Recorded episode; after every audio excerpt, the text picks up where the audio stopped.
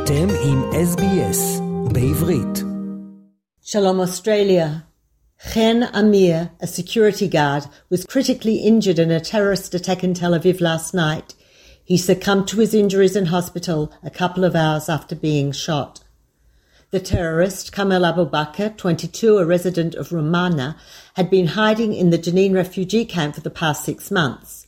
He did not have an entry permit to Israel due to his affiliation with Islamic Jihad, and the Shin Bet is investigating how he entered the country.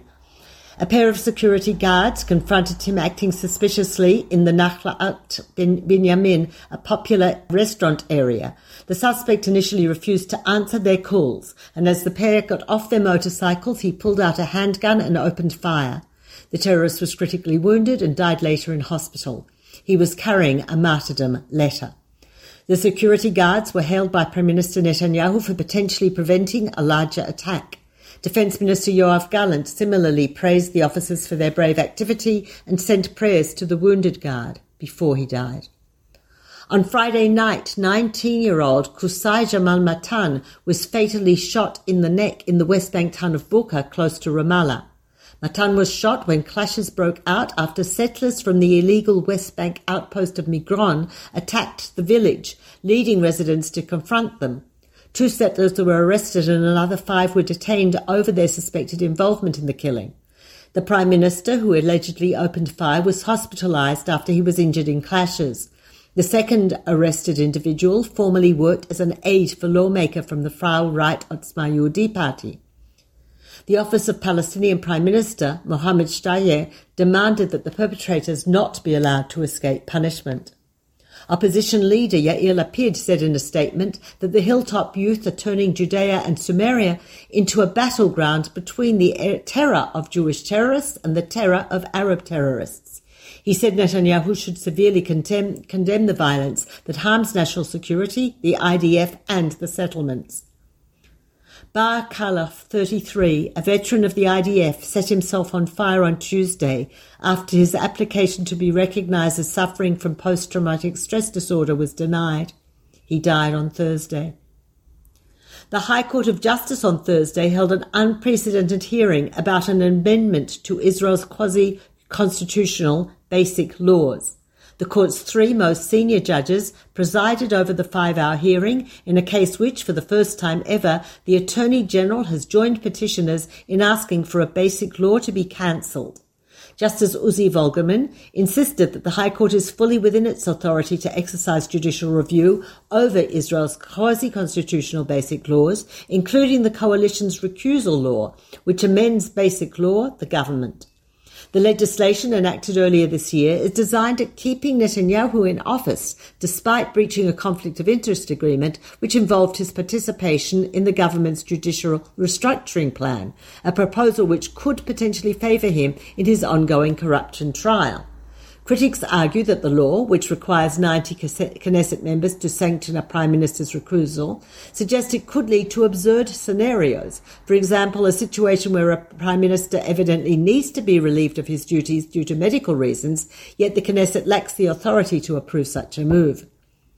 Supreme Court President Esther Chayut observed that the fingerprints of a plan designed to prevent Benjamin Netanyahu from being ordered to recuse himself were very clear while her fellow panel member, Justice Vogelman, said simply, the fact is the law is personal. Were the court to void the law, it would mark the first time the High Court has struck down an amendment to a basic law. In a unanimous decision by a nine judge panel, the High Court of Justice ruled last Sunday night that a law passed by the coalition earlier this month should enter into effect only after the upcoming municipal elections.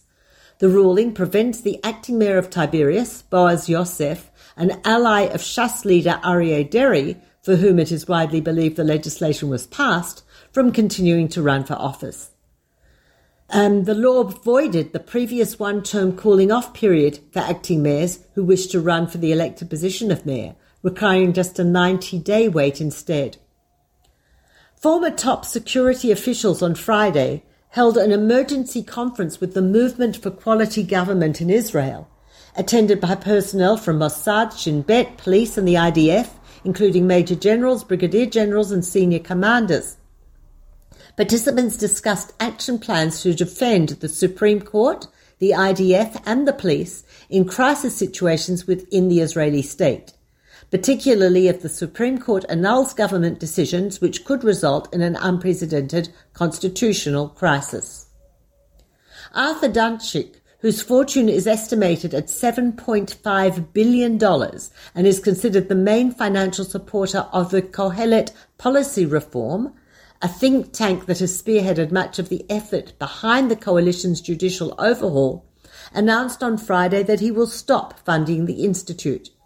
His statement said, when a society becomes dangerously fragmented, people must come together to preserve democracy.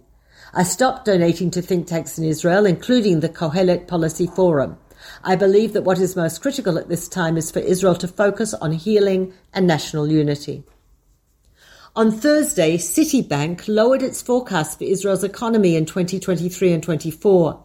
Their statement said the recent turmoil surrounding judicial reform in Israel has raised questions about its impact on the economy.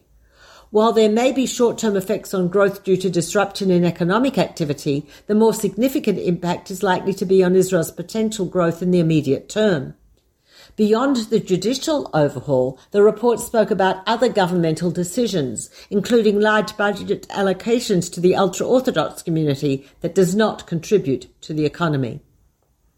In an interview on Tuesday, Likud MK Avichai Boaron said that for Major General Yehuda Fox, the head of the Central Command of the IDF, allowing movement rights for Palestinians is more important than hermetically protecting Israelis. IDF chief Herzi Halevi denounced Boaron, saying he forcefully condemned the remark and called Fox an ethical and excellent commander. Defence Minister Yoav Gallant, a fellow member of Likud, also expressed support for Fox, who he said dedicates his life to defending Israel. I strongly denounce the baseless attacks on him by irresponsible political figures. The chief of Tel Aviv's police Yassam Special Patrol Unit, Yair Hanuna, and four other officers were questioned by the Justice Ministry's Police Internal Investigations Department on Wednesday over allegations they used excessive force against protesters opposed to the government's judicial overhaul. Hanuna has been seen in widely circulated images, apparently punching protester Amitai Aboudi after the 18 year old had already been handcuffed on July 24th, and other incidents. National Security Minister Itamar Ben Gvir accused the Justice Ministry Department investigating the alleged violence of trying to restrict riot control units and vowed to give his full backing to the officers. The State Attorney's Office, in a statement, rejected the suggestion that the PID was anything but objective in its work and condemned what it called Ben Gvir's efforts to besmirch its activity. Economy Minister Nir Barakat of Likud was heckled by several protesters against the government's judicial overhaul while dining at a restaurant in Tel Aviv yesterday. Demonstrators chanted, Nir Barakat is trampling Shabbat, mocking him for dining at a non-kosher establishment on Shabbat while being part of a coalition with religious factions. Protests of hundreds of thousands gathered around the country last night for the 31st week of demonstrations against the government's judicial overhaul. Organisers decided not to play music at the rallies or to block roads after the shooting of Chen Amir, who died during the protests, and so as not to complicate access for the security forces and emergency services. This is Peta Jones Pellach reporting for SBS Radio from Jerusalem. עקבו אחרינו והפיצו אותנו דרך דף הפייסבוק שלנו.